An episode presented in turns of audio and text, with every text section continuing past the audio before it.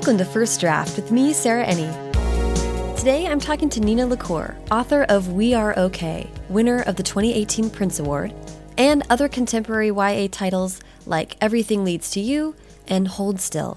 Nina joins me to talk about how she's expanding her teaching role with the Slow Novel Lab and an exciting new podcast venture called Keeping a Notebook. It's been a minute since I sat down with Nina, and I loved catching up on how winning the Printz and sending her daughter to kindergarten gave her a burst of creative energy, and how she's hoping to provide a counterpoint to fast drafting techniques with her personal approach to writing.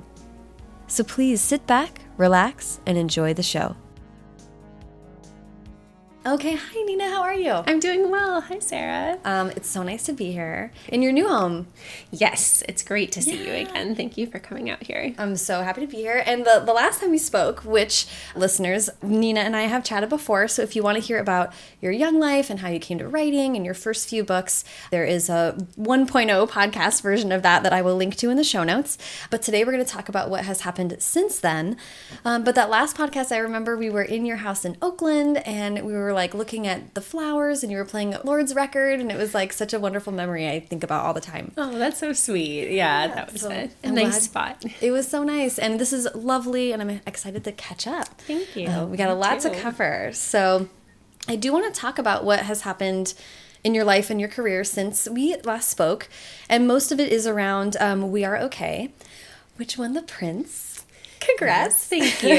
Thank and you so much. Well deserved. It's a beautiful, beautiful book. So I really want to talk about not only the book itself, but how your life has changed around that for a lot of reasons and in a lot of ways. But before we get into too much detail about We Are Okay, do you mind pitching that book for us? Oh, sure. I haven't had to do this for a while. okay, let's see. We Are Okay opens in upstate New York in the middle of a snowy winter with a girl named Marin who's all alone in a big dorm. Mm-hmm. And she is waiting for her best friend slash ex romantic interest to arrive. Her name is Mabel. And once Mabel arrives, Marin is going to have to kind of reckon with the fact that she has left everybody from her old life behind and moved all the way across the country for college without keeping in touch or returning any texts or phone calls. and this is all because she was raised by her grandfather, and her grandfather died several months ago in a kind of mysterious and traumatic circumstances. Mm-hmm. And so Marin has um, been really self isolating, and this is the, the moment in time when she'll kind of be forced to open up and deal with what has happened. Mm. And I want to talk about how the book came about because you've said in interviews that you wanted explicitly at the start to write about stillness mm -hmm. and quietness. And I'd love, I'd love to just hear you talk about how the story developed over time. Yeah, it's been really interesting because I have thought a lot about like that book in relation to my other books and also mm-hmm. I've been thinking a lot lately about the process of writing and mm-hmm. you know what comes first in terms of crafting a novel and the answer is really that it's different for every single project mm-hmm. and this is the only novel where it came like the idea of a form came to me before the content mm-hmm. and i was just really interested in taking my time with something mm-hmm. which is kind of funny because it's it counterintuitive like it's a very very short book and it takes place over a very compressed period of time mm-hmm. and yet i wanted to give the sense of a very slow unfolding of a story mm-hmm. and focusing on small movements and rituals the things that we do every day and don't think about that often but mm-hmm. do actually mean a lot to us mm-hmm. yeah and and i just listened to your interview with yin chang which was so lovely on 88 cups of tea her awesome podcast yeah and you had talked about in We Are Okay, she's so attached to her bowls, mm -hmm. her mm-hmm. yellow bowls. And then you shared a story about your dishware yes. being very particular to you. And it, um, do you mind talking about where you get your, yeah. Sure, yeah. I mean, I've gotten it um, at different places. I mean, I love Heath Ceramics. Mm -hmm. It's a, you know, a San Francisco staple. They've made their ceramics in Sausalito mm -hmm. since, I don't know, the 50s maybe. Yeah. It's been a long time and it's something that has always like many of the very nice restaurants in the Bay Area use their ceramics for their mm-hmm. plates, like Chez Panisse and Pizzaiolo mm-hmm. and other places like that. And I remember going and picking out like our first dishes from there and how much it meant. And they're very like um, solid. I mean, there's one on the table as we sit here right now. They're very like solid and not fussy and like not precious, and they feel. I like the weight of them, and it gives a sense of like being anchored in a place.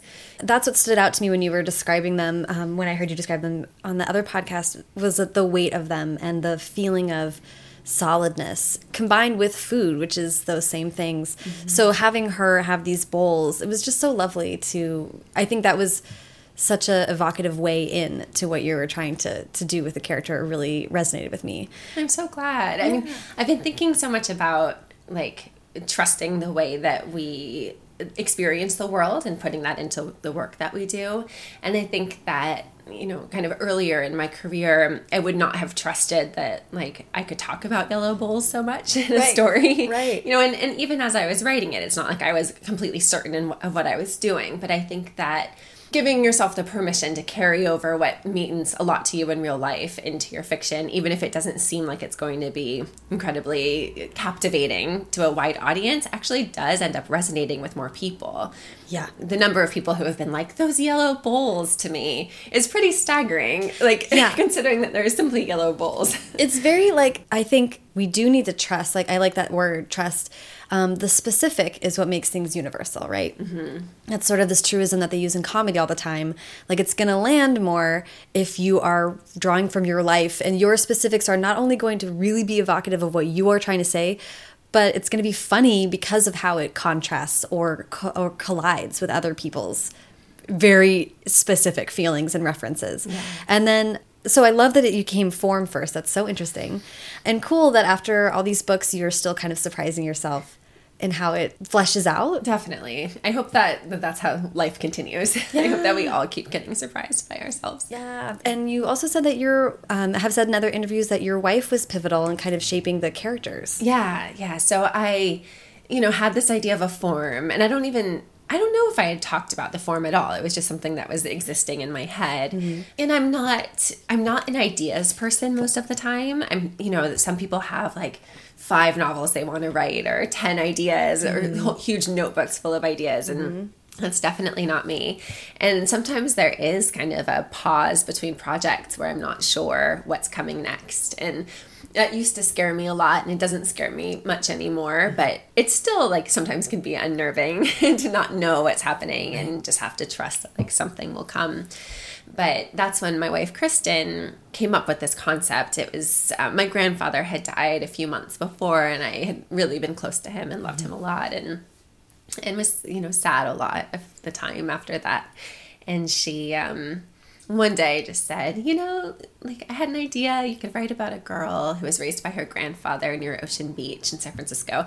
My grandfather lived in Long Beach all my life in Southern California but we had Kristen and I had lived in the city and had spent some time at Ocean Beach, and it was just kind of a cool, you know, idea that she had had. Like, and I think she had certainly thought of it as like a sweeter story than it ended up becoming. you know, like she was like they could surf, and and I took those pieces, you know, like mm-hmm. grandfather girl, Ocean Beach surfing, and then turned it into something quite different. Mm-hmm. You know, I, I just kind of like I had the form in one part of my mind, and I had her suggestion in another part and then the actual story came to me like a few months after I had had our daughter and I had a lot of pregnancy complications. And so um, it was, I think, the first time, I mean, it was months after she was born, but I think it was the first time that I walked from our apartment to a cafe by myself without the baby, you know, and just like took some time. And sat there on my own. And it was during that walk that suddenly the story came. Really? And- yeah. Oh, wow. And it was, and it came in the, like, in that upstate New York snowy setting with Mabel showing up at the door. Mm-hmm. And then, like, once I had those two characters and that setting in place, then it all started to fill in and form into something. Yeah, and I'm so interested in that it turned into something kind of dark. Yeah. With a lot of secrets and people being near each other but missing each other in key ways. Mm-hmm. You've written about dark things before, but it sounds like the story like you kind of were like along for the ride with the story as it went that direction. How do you feel when a story does that? Are you nervous about it or, or I don't know, what do you think about that? I mean, I think it's the best part of writing, you know, like when things just start happening that way. Mm-hmm.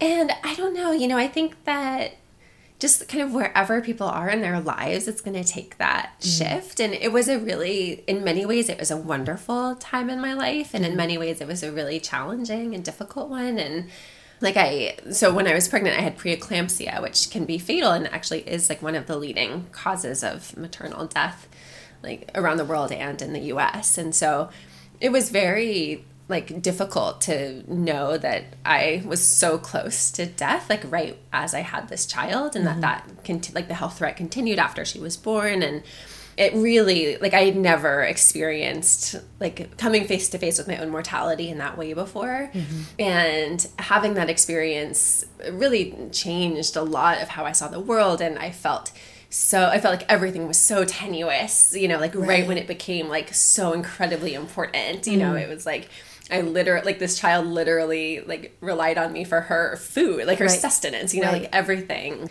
And so I think, you know, even though people could say like, oh, new birth, like new life, let's write a like joyous springtime story. Mm-hmm. For me, it was like, no, like we could all die at any time. yeah. Like my daughter could have no memory of me, you know? Right. And so that's part of why that story ended up. Yeah. Oh yeah. And memories. And that was such a and just as a warning, like yeah. I've been tired and traveling, so yeah. I'm like could tear up, but it's, okay. just, it's just like where I'm at right now. It's fine. Yeah. Um, my grandpa just died too. Oh, I'm so sorry. But it's been a lot of thinking about like all the stories mm -hmm. that I don't know.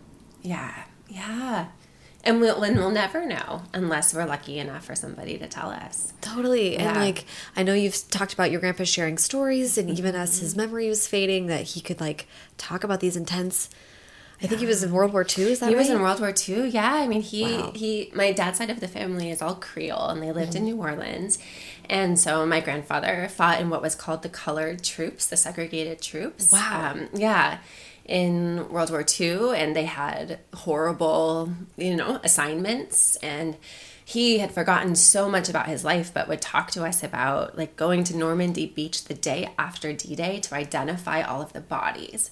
So Whoa. like this was a troop that showed up, had to like find the ID tags out of all of these massacred soldiers. Whoa! And I mean, it haunted him for the rest of his life. Yeah. yeah. How could it not? Mm-hmm. That and the fact that you can carry that forward is actually really important. Mm-hmm. And that's what I felt in this book so much was ah Marin just is like desperate and so so you know she's since she was a child has been withheld her own history. Right. And I just, I was obviously responding to it yeah. pretty strongly, but I thought that was such an important playing with memory and space and how our people in our lives can help shape our identity for us. Mm -hmm. And when Mabel's mom tells her she makes, she made a good choice, and then she's like, just that's so important to her. Yeah. I just loved it. Thank you. yeah. That means so much to me. Before we dive into the podcast again, I do want to ask about the stories within We Are Okay. So interesting, the ones you chose. So, first, I want to just talk about ghosts and yeah, gothic sure. fiction. Yes, I would love to. yeah. So, tell me about your history with that kind of fiction. Yeah. So, in grad school, I got to take a class on gothic literature, and I just loved it so much. And it's funny because I I've always liked scary movies and mm -hmm like ghost stories. I'm not so much into like horror, but I really yeah. love the like kind of psychological ghosts, you yeah. know, or like mysterious movies.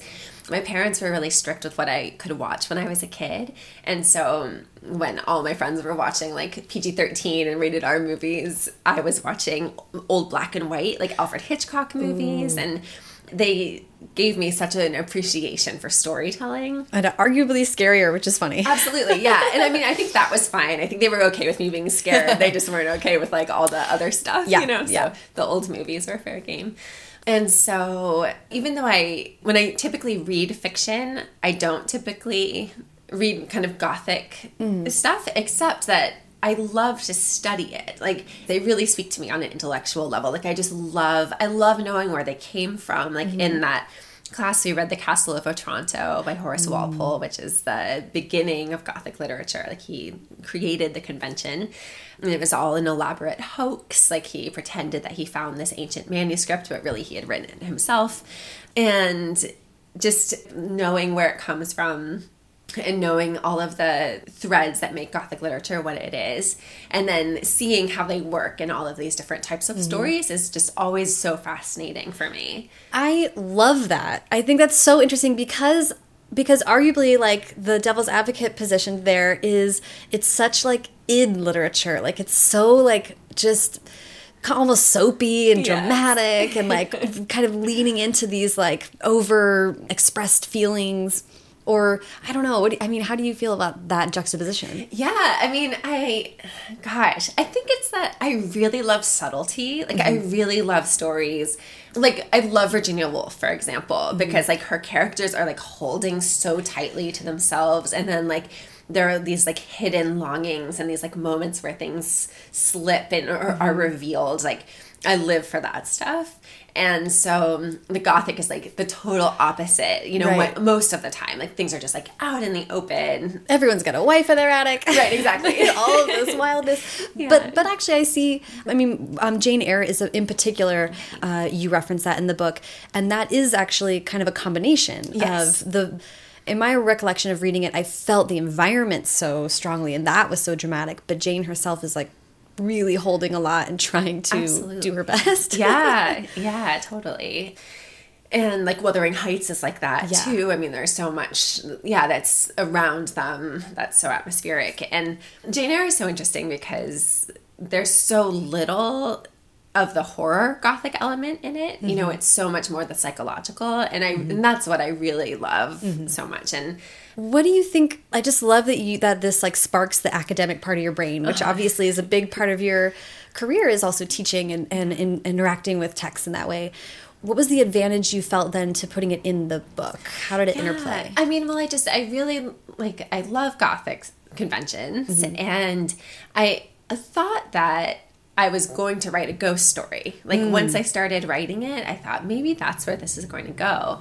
And then as I wrote, I realized no, this is actually a, like very kind of rooted in mm-hmm. our, you know, common very reality. realistic. yeah. yeah, yeah. And so I didn't as much, but I have had people say, "Well, it is a ghost story," you know, just not in a, you know, and disembodied, like, right? Not yeah. in a literal way, but definitely in how it feels and how the past is so so current. Mm-hmm. In, uh, I mean, there are two timelines, but uh, in the current timeline there her past is so alive. Yeah. And i think you said this um, in another interview really beautifully is that it's not about the ghost it's about the haunting. Yes. Which i think is really true and so such an interesting way to think about it. Yeah haunting as an act and right. not as a not like physical ghost person. Mm -hmm. Were there other gothic conventions that you think are in play at We yeah, Are Okay? for sure. I mean, so she's a you know young woman in a large, empty, old house with mm -hmm. towers. I mean, it's a dorm, but oh yeah, there are towers, and and that was very intentional.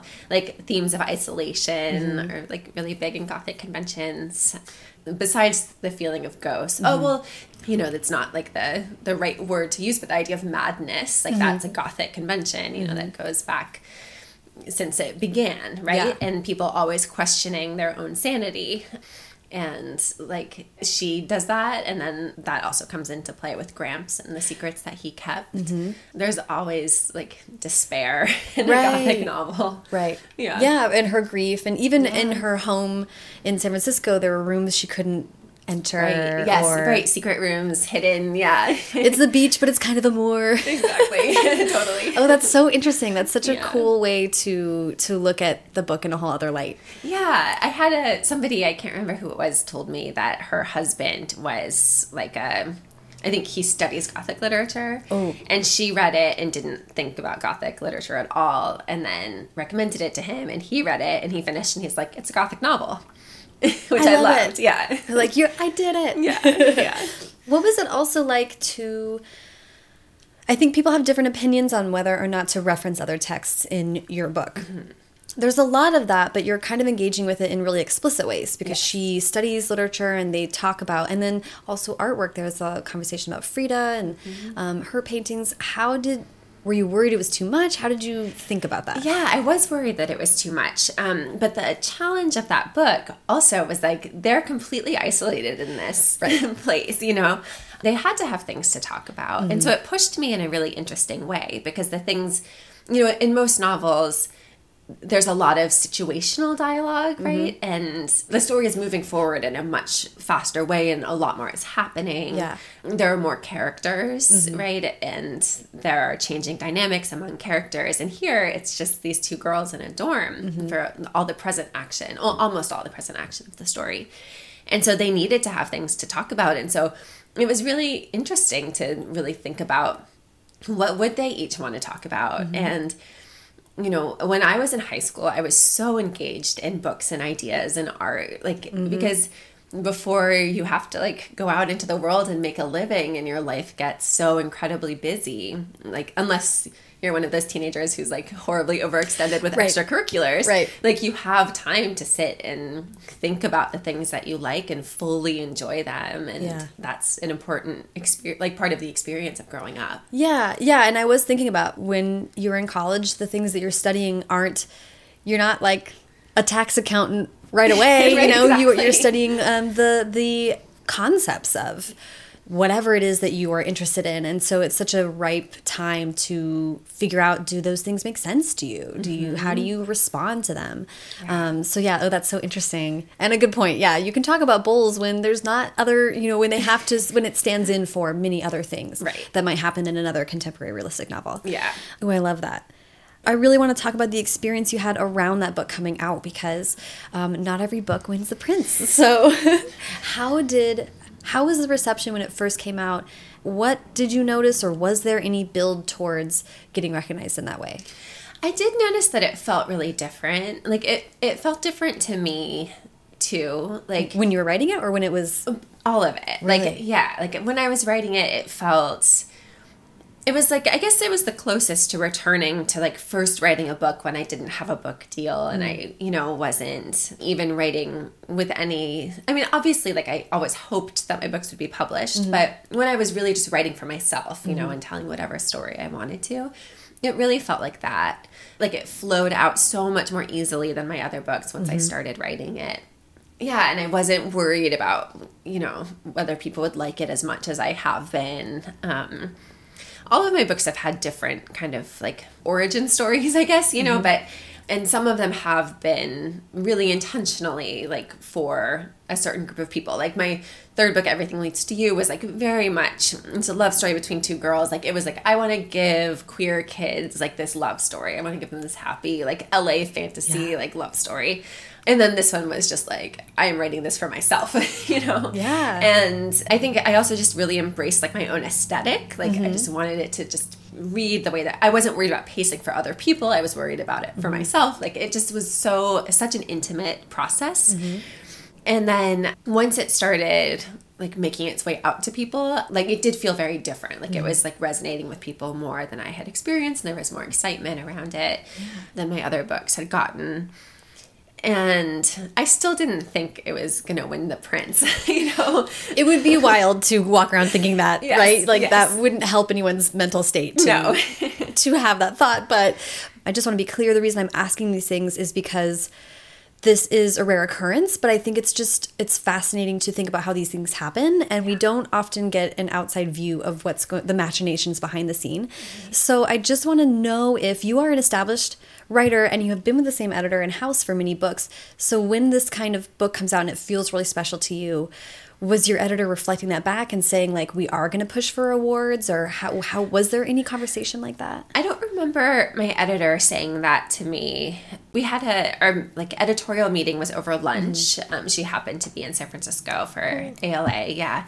And so instead of a letter, we had just a long conversation about it.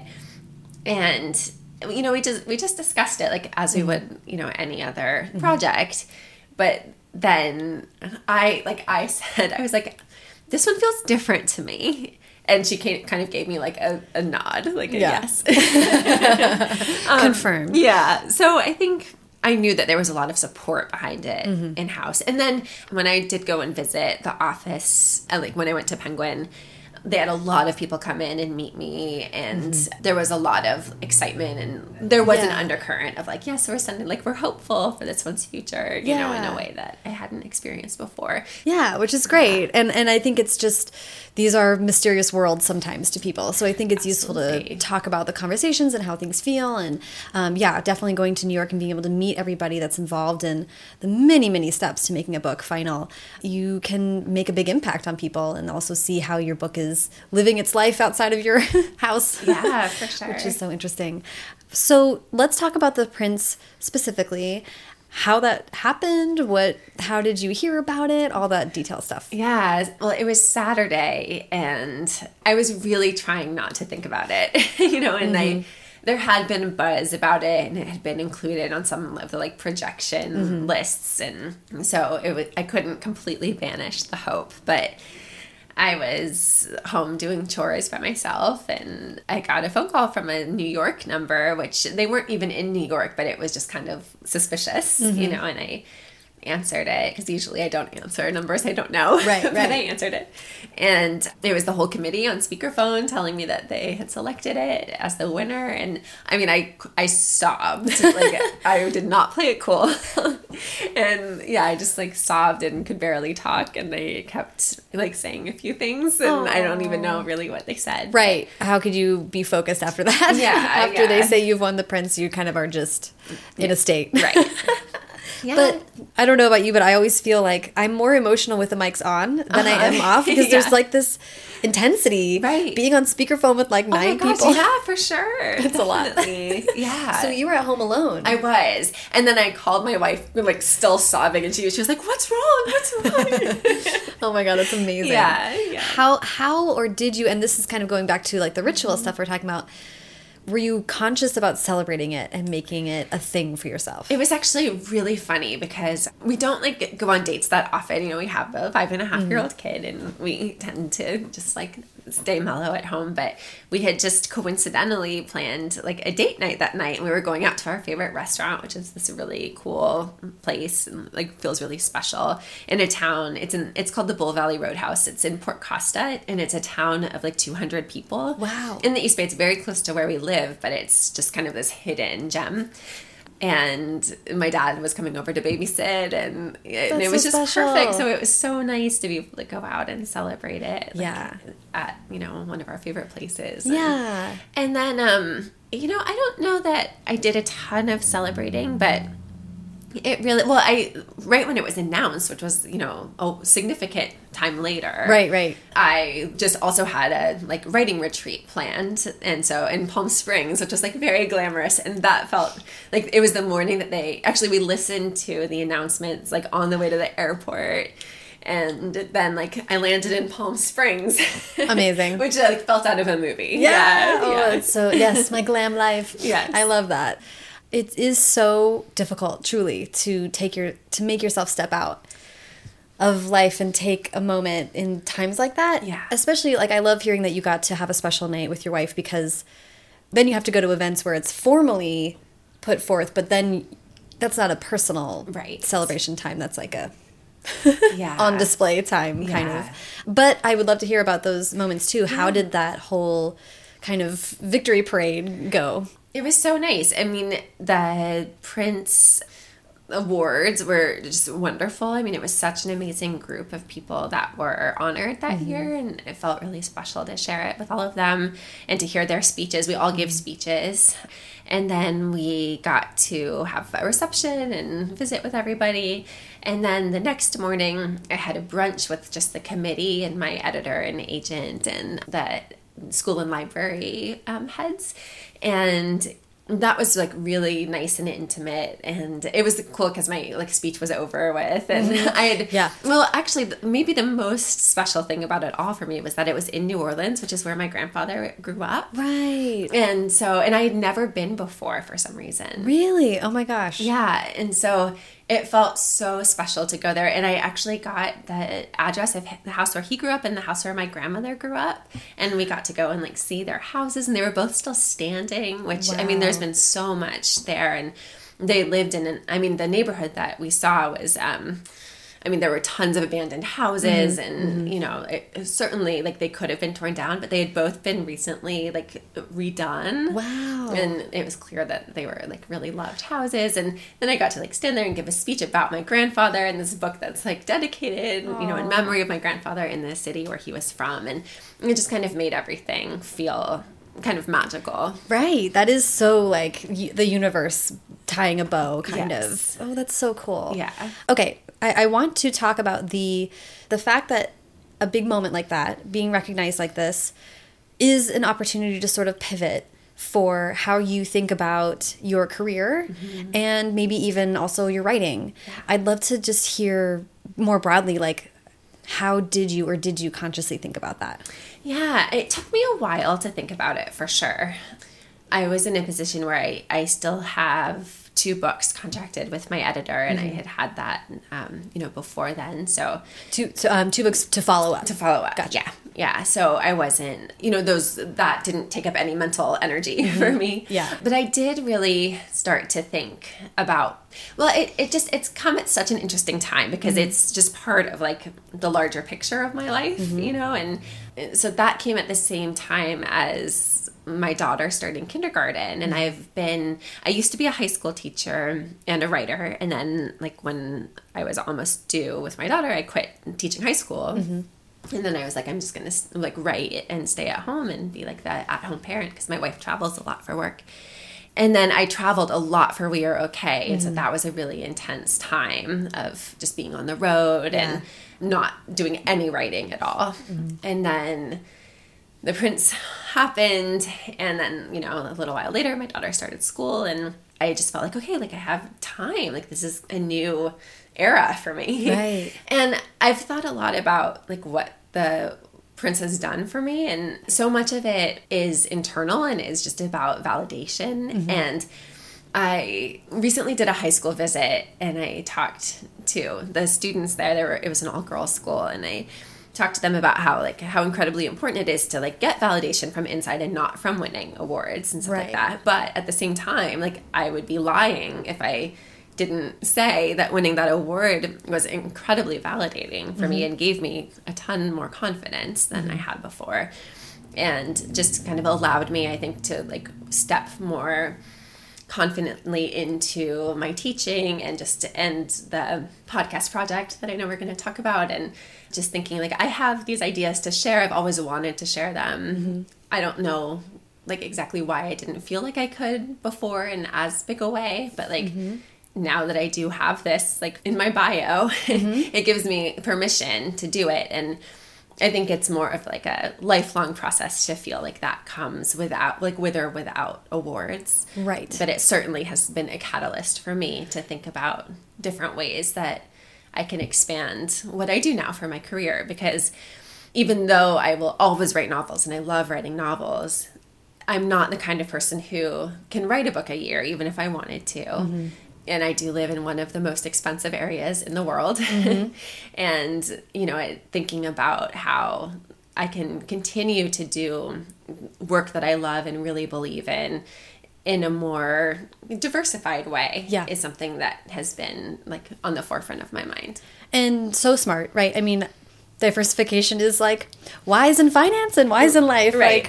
Like, like a really good idea not to put too much of your energy into one one thing and then let your emotions rise and fall with just that one thing. Right. And I mean, publishing is like the worst thing to do with that, you know? It's, it's rough, yeah. Yeah, because like we never know. Like you never know how a book's going to do.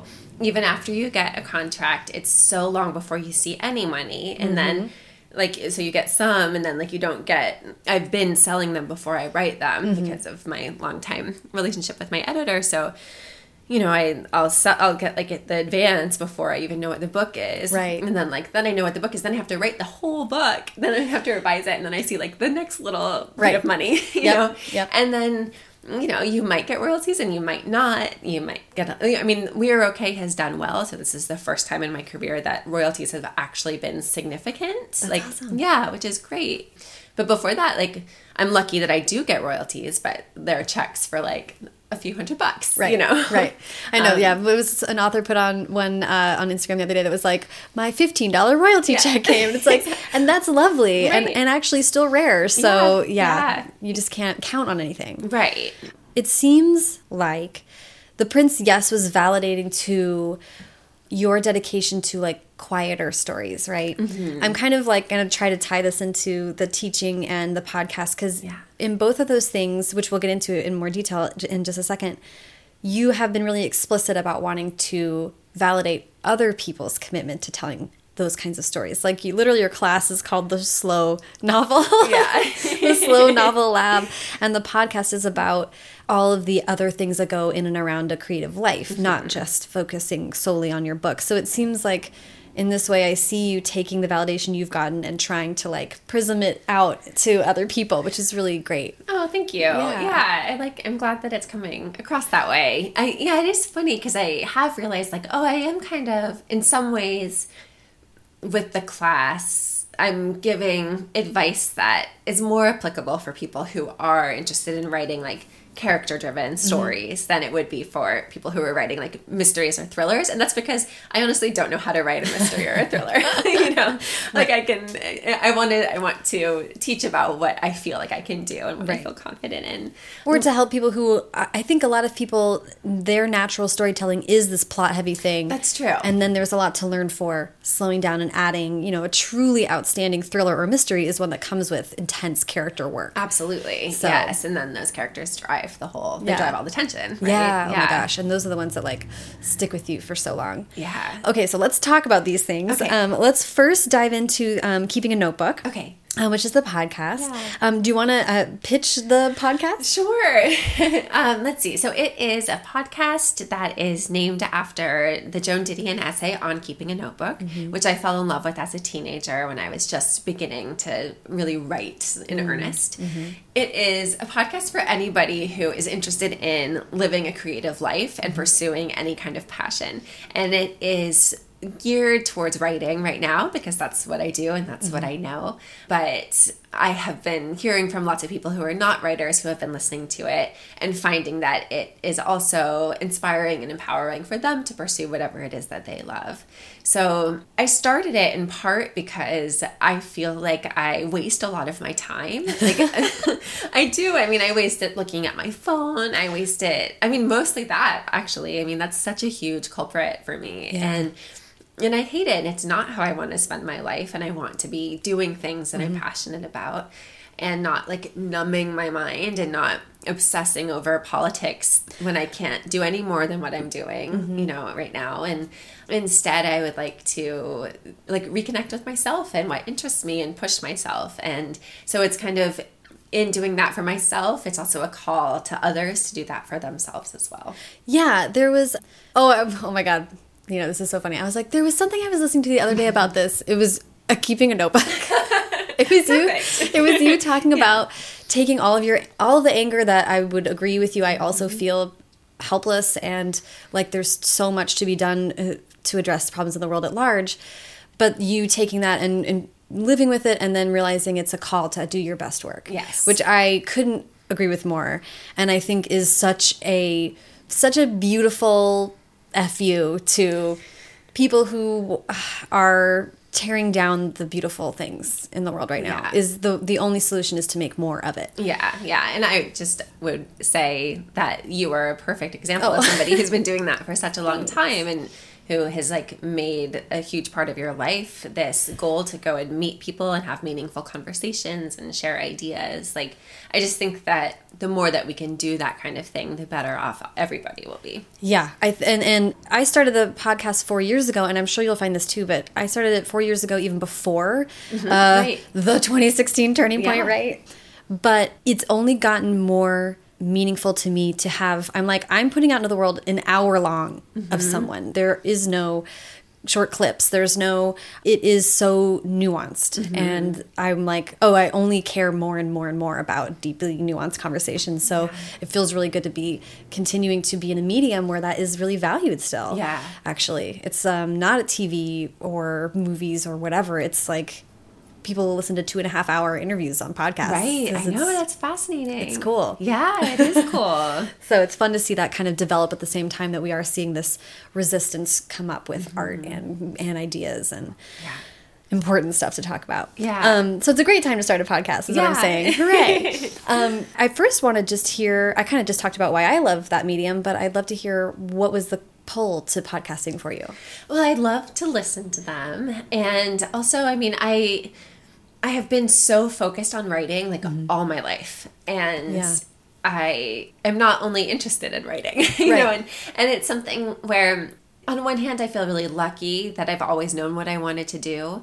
And on the other hand, like I am somebody with a lot of interests, and I feel like I have not allowed myself to pursue those interests because they don't fall into like the narrow confines of what writing is. Mm-hmm. And that's like always what I've told myself like, this is what I am, and this is what I do. Mm-hmm. And it just felt like this thing that I could do. Like all I needed to do was get a microphone and find somebody to handle the technical elements for me, Mm-hmm. and I could put something out in the world. Like it was incredible. It's so accessible Yes. and DIY friendly. yeah, Mm-hmm. yeah, and that was just so inspiring to me. And I just kind of felt like, why not? Like, I just had this burst of inspiration. Like, I want to put myself out there more. I want to share some more ideas. And Mm-hmm. it's actually really scary to me. And I have always hated my own voice so much. And I know many people do hate their own voices. Right. Yeah. but I think the biggest thing at first that was holding me back was like, nobody's going to want to listen to my voice, like talking. And then people have said such kind things to me. Yeah. and they're like, like people I don't know are like, she has such a soothing voice. And I thought, okay, well, great. like if I'm not making people want to like cover their ears, then I can do this. that is it is such a common but such a specific what's insecurity that people have right, right, the sound of their own voice. And it is such a strange human thing that we never hear ourselves Yes. ever until now thanks to technology. Yeah, yeah. um, i've gotten so inured to my own voice. Then i had had the experience and i'm sure you already had this to some extent but i'll be in line at a book event and someone will be like will turn around and recognize me by my voice Yeah. and that's just part of podcasting's like intimacy is that me speaking is what makes someone go, oh, I know that voice. That's so cool. That has certainly never happened to me, but I'll, I'll get look ready. forward to Yeah. happening one day. it is it's very very cool and i love that you started the podcast and i started a podcast we're in the same kind of universe we're talking about the same kind of things but the format that you came to is really different from my format Yeah. Uh, i'd love to hear how that developed and how you kind of how it came to you Right. I mean, well, one of the reasons, honestly, is that you've been doing this so well for so long. I mean, I wasn't going to jump in and start interviewing all the same people when you've done it so brilliantly. i would have loved to have your nina conversations as well but well, thank you. yeah, so well, part of what has been interesting to me was just seeing how much I can pull off just on my own, mm-hmm. you know, and and I do, you know, even though I have felt like my world has expanded since my daughter goes to school, mm-hmm. in reality it's only like 4 hours a day that I actually get to work. And that's like on a good day when there's nothing mm-hmm. else that I've had to plan during that yeah no errands no yeah Right. And so I found myself like recording the podcast late at night and you know just doing it all on my own schedule. So that's been that's been nice. And then well, one thing that was a surprise was I didn't lately I have been writing out like full scripts for them mm-hmm. and I hadn't intended to do that, but once I did, I kind of felt like that was playing to my strengths. Like mm-hmm. I do feel more confident when I write it out first. And then it's just a different way of sharing ideas you know, like I think it's really cool to be able to hear somebody read something instead of just seeing it written. Well- I, and I'm fatigued. Like I don't want to read more stuff on a screen. You know. I was going to say two things about that is first, when I listen to Keeping a Notebook, I can tell that you've written it out beforehand. Mm-hmm. But I think you are really good at re- you are present if, with the words. Thank you. It doesn't feel like you're like rote reading Right. in, in front of a microphone, which I thought was lovely because it allows you to be confident in what you're saying. You're still very like emotional about it's your words. Right. and I think I'm sure that makes a huge difference. It's your your ideas, so you're still really passionate with them. But I thought that I was like, oh, that's so smart of Nina to do that because then you're getting your ideas across really clearly. Mm-hmm. Um, when I try to vamp. My producer is always like, do a little bit more like personal, like vamp at the beginning and the end. And Uh-huh. I'm like, no, it doesn't go well. It's really much easier to write that stuff out. Right. But then I was also realizing if this had been five years ago, Nina would have started a new blog.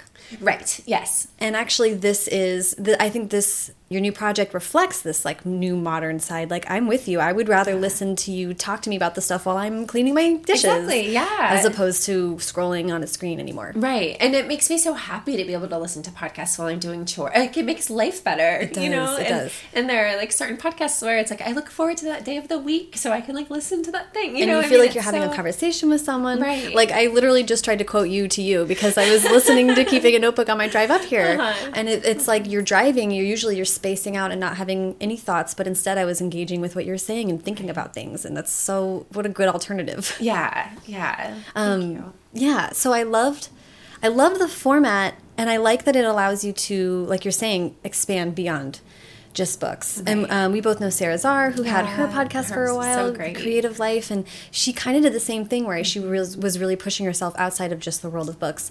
And I always admired that so much. And I think that's cool because it, it's like you could go anywhere with Yeah. this or talk to anyone who's doing something that they're passionate about. Exactly. Yeah. Which is really cool. Yeah, I wanted to leave it as open as I could. Mm-hmm. And I already have a, an idea for the second season that's really different. And I'm not sure that I'll be able to pull it off immediately, but we'll see. Yeah, yeah, it's really neat, and Yeah. and the the seasons are like a newer thing in podcasting, and they open so many doors too. Right. Yeah. Having central focuses is really a cool evolution. Yes. for, the form. Yeah. Yeah, well, we kind of talked about it a little bit, but I was saying like your mission statement for keeping a notebook in- includes a focus on quote how to trust that what we're making is worthy of our time and other people's attention. Yeah. And it did seem like this callback to you have talked in other interviews about wanting to push yourself to be more commercial in the past and sort of finding that that's not actually mm-hmm. the right thing for you. Right. And using this to reassure other people. Yeah. It's like, I feel like I, I was really, really uncomfortable with social media mm-hmm. when I was first starting out, and I'm still not very comfortable with it. But I think that what held me back from really trying to put myself out there on social media very much for most of my career has been this sense of like, I'm supposed to like present myself in a certain way that's not who I actually am. Like mm-hmm. that's just I didn't understand that actually I could show up as who I am, mm-hmm. you know, and obviously I'm not somebody who like shares my entire life on social media at all. I'm actually like a fairly private person in many mm-hmm. ways, but everything that I do share is something that I 100% mean, Yeah. you know. And so once I realized, like, oh, I, I can be myself and I can be authentic and I can choose how much I want to share mm-hmm. And how much I want to keep private and I can choose how often I want to do it, you Yeah, know? yeah. Um, then it made me feel actually sincerely excited to engage with more people that way. Mm-hmm. And that also like led to the podcast because first I started just doing more on Instagram. Like that's how it all started. I was going going to say, you definitely, listeners should follow Nina on Instagram. Your Oh, posts are really awesome. Thanks. Yeah, and it, it's been fun to do, but then I realized like it is confining. Like an Instagram Right. caption is quite confining, Right. and then it's also like over. You know, like you'll get comments for a day or two and then that's done Yeah. and i felt like oh well i actually like put like an hour into this instagram caption you know and mm-hmm. then it's over whereas i could put a few hours into a podcast and that will be listened to Yeah. you know for as long as people are listening to the podcast and that just felt like a much more meaningful way of connecting over a longer term Yeah, that's so. That's uh, a really good point too. That podcasts do have this like wonderful longevity. Mm-hmm. Um, when I talk to people about First Draft, I'm like, oh well, if you found it for the first time today, you'd have literally 400 hours. yeah it's amazing Of uh, ahead of you to to discover if you wanted, you know, and people do all the time. People are always like sending tweets to authors that I've interviewed to be like, "Oh, I just heard you talk about," even though it was like three years ago, which is super cool and definitely like unusual. Mm-hmm. That doesn't happen in other mediums, really. right Okay. So not only did I notice that your Instagram shifted, then you started the podcast, and it seems like it is you called it a creative burst mm-hmm. into I felt like you were sort of like opening yourself up to bringing your teaching out in a different way. Yeah. Yeah. So when I like redid the Instagram and started to talk more about writing on it, I honestly did not know where I wanted it to go. Like I just thought I'm going to open myself up this way and Yeah. see what happens. And that's something that I don't usually do because I tend to be very goal oriented. so I usually would have like an objective in mind and I did not have a specific one. And then I just started noticing that all of the comments or so many of the comments were geared toward writing mm-hmm. and like geared toward craft and people had questions. And then mm-hmm. one day i just put out like a call for questions like what would you like me to talk about on here? And i got so many comments and they were almost all craft related and like writing te- like teaching related. Some of them were publishing related but i mm-hmm. just don't feel like that's something that i'm an authority on. Like i i have kind of stayed out of a lot of the publishing side of things There's other people that can speak to. yeah Yeah, it's sure. hard to keep up with publishing even, Yeah. even as an even as an author. Right, yeah. So once I saw all those questions, I like saw this kind of like room open up mm-hmm. for doing more teaching because I teach right now, as I mentioned, at Hamline University's Masters in Fine Arts for Children, and I wasn't looking for that job. Like it was after I had quit high school, and I mm-hmm. really thought what I want to do is be a full time writer and. Once my daughter goes to school, like then I'm just going to write like all day. Yeah. and that was the dream. And then once it happened i realized that wasn't the dream. You know i i don't want to work that way. I want to have a couple hours a day to write. That would be wonderful. But i really want to teach. And when the university reached out to me about teaching at their program I was conflicted because I had not yet come to that conclusion. This was two years ago. Oh, So I, interesting. yeah, I hadn't decided that I wanted to write, but I was like, here's like a graduate teaching position dropping into my lap. Mm-hmm. Like, I could take this on and teach with. I mean, the the faculty is just like so incredible. People should look look it up and just Yeah. see. It's full of like such brilliant writers. And I thought like I would just like I should not turn down this opportunity, like to even just like to meet these people and like Right. be in their company. And it's just been such an incredible community so inspiring. We go for two residencies a year, so we get the faculty all get to know each other really well. We all sit in on one another's lectures all the time, so I'm just learning so much, and it's expanding the kind of writing that I'm doing. And then the student community is so wonderful too, and it's just um, it's just this like great inspiring place to be, and really reminded me like you're a teacher too. Like this is something that you love, and that Yeah, and teaching me- teaching it doesn't naturally come to every writer. Like that's so Right. much a part of. It's a very wholly separate thing that is also obviously in your skill set. Yeah, yeah, and that really energizes me. Yeah. And I tend to get like kind of like I can be kind of stagnant if I'm not energized by something. Mm-hmm. I'm not somebody who is constantly like seeking out new information and always super curious and mm-hmm. so it helps me to have like a reason to reconnect with that part of myself. And so then I decided too, like I don't have to stop there. Like I can teach on my own as well. And and so that's when I came up with the idea for teaching the class, which is the Slow Novel Lab, and it is an online class that lasts for a month. And the the slowness is funny because when I was coming up with the name, I didn't. I didn't know a slow novel was going to be good because people like will criticize a book for being slow or a mm-hmm. movie for being slow but it worked on a couple levels for me. And one is you know nanowrimo has been like so huge for people. And i totally love what it's done in terms of like making writing novels feel accessible to people Totally. creating a like you know really encouraging community and people mm-hmm. cheering one another on. But i do think it stresses i mean it stresses word count. Like that's what it's all about right? Yeah. and I just don't feel like that is like a way of approaching writing that makes sense to me. Like, and I understand like you have to get out a draft, of course, but I really like the idea of of being intentional in like all areas of life, including in writing a novel. And so this class is is kind of an antidote to NaNoWriMo. I was going to say it's like oh, in a world where you need both, right? yes, exactly, Yeah. exactly, yeah.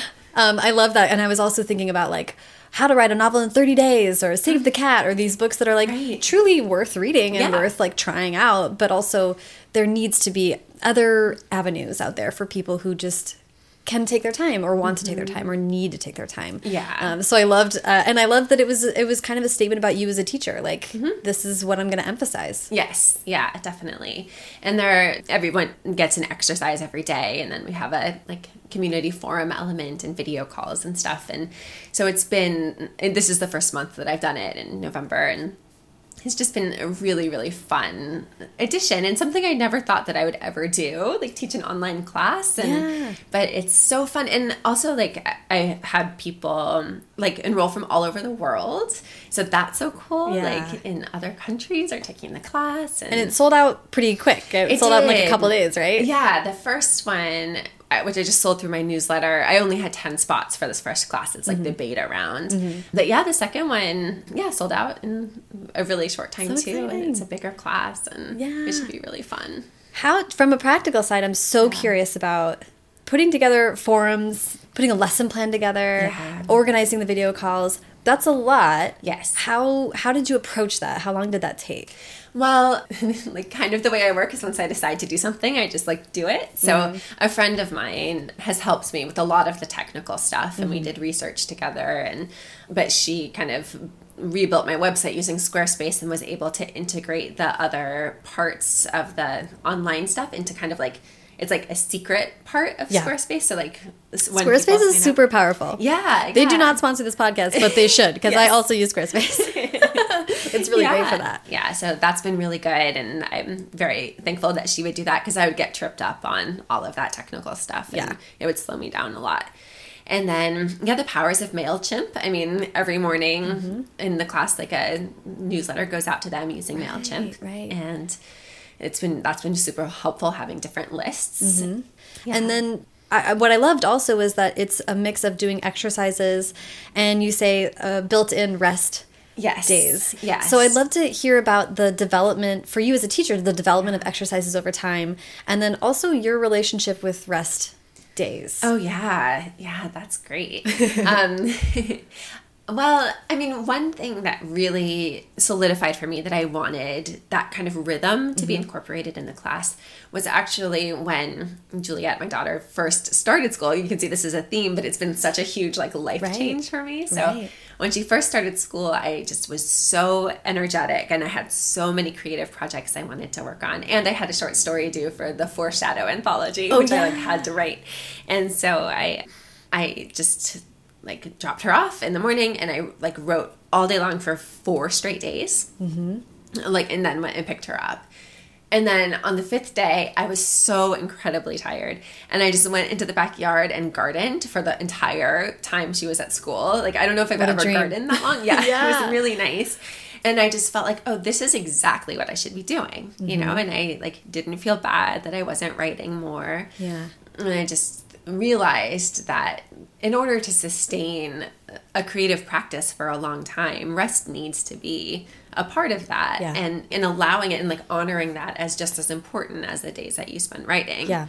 There, it's cor- it's correlated a lot with sports science. Oh. And highest level sports scientists now are just they they cannot overemphasize rest and like recuperation and that's like this whole trend in in really high level athletes right now Yeah. um, and it's so funny to turn that over and be like you know we are using energy we, we can talk about it in the same terms because it is a physical toll when you spend like four days for many many hours in a row Right. just writing that Right. is an enormous amount of expenditure Yeah. And also like you need to replenish your ideas. Like ideas aren't just gonna keep coming for Yep. you Yeah. if you are forcing them like that. Like Yeah. you need that space and just to sit there and I mean, I was just like working with my hands that whole next day, and it g- gave me exactly what I needed. Yeah, I love that. And the exercises themselves were those were you able to pull from things that you had developed yourself as a writer, or things that worked for you? Or I, yeah, definitely. I mean, it's all stuff that I do in my own practice Mm-hmm. of writing. And it's just been such a fascinating process of really kind of interrogating my own practice Yeah. and Oh, putting yeah. it down on paper for the very first time. And I'm definitely not trying to like turn everybody into me at all, but it's just these are things that I've done mm-hmm. that have worked for me. Yeah. And one thing, actually, right before you came, I had a meeting with the students, and one of them was had been saying that she like would approach one of the lessons like there was a lesson that i did on time passing and pacing or just like knowing that you have permission to take huge leaps through time mm-hmm. and also to, to slow time down quite a bit and looking at different points in people's novels where they could do those things. And she said she was like i started doing that exercise but then and thinking that it just had to do with time but then suddenly it solved this huge character problem that she had and I was like, yeah, like writing is so mysterious. You never know what's going to get you into that spot that needs help, yeah, you know? yeah, totally. And it can be through all different, because it's, 'cause it's so intertwined. You Yeah. can be doing a structural exercise and it can give you the story, you know, or you can, you know, do something about time and it solves your character problem. Yeah. Like you never know. And so um, it's all designed to just help people like get to the heart of their stories. Yeah. and Yeah. Um, uh, what's Donald Maass had the breakout writing the breakout novel? Uh-huh. There's a workbook version of that, Okay. and I have that on my shelf. And it's so sometimes you're just like, I need an external guide Yes. for something. So I just like flip it open to a page, and we'll just. It's like how people say just start writing anything on a blank page and Yeah. you'll get kind of steamroll into something. Even just having someone give you a place to start, so enormously useful to get where you need to go. Totally. Yeah. Yeah. Um, I love that. Yeah, another thing I'm emphasizing that I'm really excited about for myself too is like getting back to this feeling where like we're doing writing, like we're writing because we love to write. And we can make it special for ourselves. And I think that's something that gets lost a lot of the time. Like mm-hmm. to to incorporate ritual in what we're doing mm-hmm. and to make it special. Like even if all we have is 15 minutes. Yeah. There's no reason why you can't like light a candle or like pour yourself, you know, like something that you like to drink mm-hmm. and like take a moment and start to work like with this feeling of intention and this feeling of like even if the words don't come easily, this is what I love to do. This is like how I get closer to myself and I'm going to spend this time doing that. Yeah, I love that. That's like really important in every phase of life. And I think even though we love this, it's a hard job a lot of the time. Yes. So, yeah, any time that you can build in a moment to be like, remember, you love this. Yeah. it can be really useful. Yeah. In the and long then- run. Yeah, and then it's about like creation because so much of this job is about publication Mm-hmm. and you know, it's so easy to get away from what's really important, you know, in Yeah. terms of just like that we're here to tell stories and to like Yeah. make these beautiful things that people will read and like learn more about themselves and others through. And yeah, it's just nice to like try to be as centered in that as possible. Yeah. Well, the last question I have, and then we'll make sure that if there's anything else you want to emphasize, we get to that. But it's so interesting to me that you went to an MFA program yourself Yes. in person. Yes. And then Hamline and your new classes are virtual teaching. Mm-hmm. I'd just love to hear how you felt about the difference there Yeah. or what the pros and cons of that have been. Yeah, so Hamline, I don't think of it so much as virtual because we do spend like 22 days together. That's true. And the residencies are so intensely personal mm. that we make these like really strong real life connections. Mm-hmm. And then it's all just over email. So, like, mm-hmm. I'll have between three and five students, mm-hmm. and then they'll email me their stuff, but it's all one on one. So, it's still, it feels more like a correspondence than like super online to me. I don't oh, know. Like, it's different. But the difference between a traditional MFA program and a low residency one, in the traditional MFA program, it's all about the workshop. Yeah. And your professor will read, if you're lucky, maybe over the course of a semester, maybe 80 pages, mm-hmm. you know, and, and sometimes less than that. And you get the majority of your feedback from fellow students. Mm-hmm. In a low residency program, workshop is such a small part because mm-hmm. you'll workshop during those two residencies, but only for like two weeks out of mm-hmm. the full year. And then the rest of your time is one on one with a professor or faculty member who will read a lot of the time a full novel of yours and be able to comment on the whole arc of the novel. Wow. So I loved my MFA program and I made really great connections there with fellow students who I mm-hmm. still meet with all the time and also had some amazing professors. But sometimes I think that the low residency model is really the way to go because as long as you are well suited to who you're matched up with for that semester, Right. you have somebody who's giving you such detailed, close feedback in a way that a traditional MFA program faculty member is not able to give because they have, Right. you know, at least 12 students, you mm-hmm. know.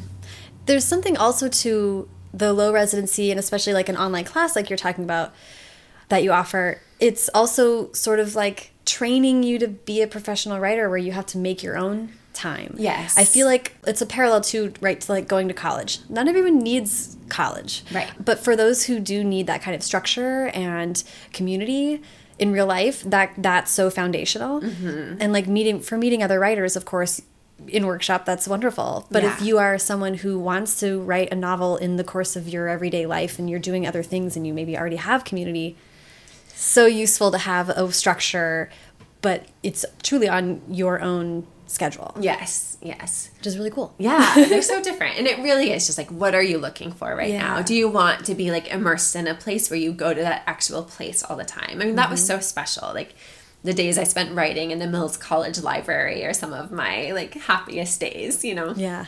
So it really depends on on what you're after. Yeah. But I do, I love, like, you know, especially say you're picking up novel writing later in your life or something like that. Right. Um, it has to fit into the course of the rest of your day. Exactly. So, or like I loved you, we were in the description for your classes. It's like, yeah, for new writers, but also for people who just need a chance to look at it in a fresh way. Yeah.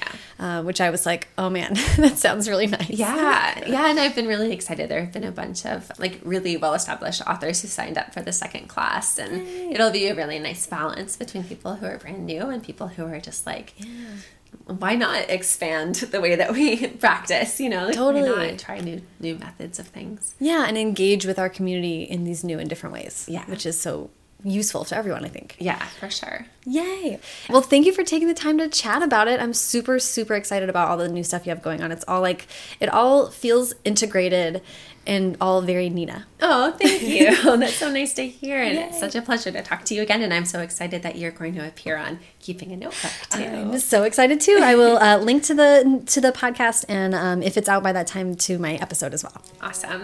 Thank you, Thanks, Sarah. Nina. Thank you so much to Nina. Follow her on Twitter and Instagram at Nina LaCour. She's a really good follow on Instagram, guys. And follow me on both at Sarah Enni and the show at First Draft Pod. There are links to everything Nina and I talked about in this episode in the show notes. To find the show notes, go to firstdraftpod.com, scroll down just a tiny little bit, and you will see a link to Nina's episode. Voila, all the links you could ever ask for. While you're at firstdraftpod.com, you can and should sign up for my newsletter. You're going to want to get the newsletter because things are ramping up for the release of Tell Me Everything, my debut YA, which comes out February 26th. I'm going to have a lot more giveaways, pre order prizes, events, and other things I want to share with you all. And if you don't want that news to get drowned out by a Russian accented algorithm, you're going to want to get that right in your mailbox uh, via the newsletter. You can sign up for it at firstdraftpod.com or sarahenni.com or on any of my socials ever at any time. If you like what you heard today, please subscribe to the podcast on Apple Podcasts or the app of your choice and leave a rating or review on iTunes. That helps other people find the podcast and it makes you cream of the crop. Haley Hirschman produced this episode. The theme music is by Hash Brown, and the logo was designed by Colin Keith. Thanks to super intern Carter Elwood and transcriptionist at large Julie Anderson. And as ever, thanks to you, modern day goths, for listening.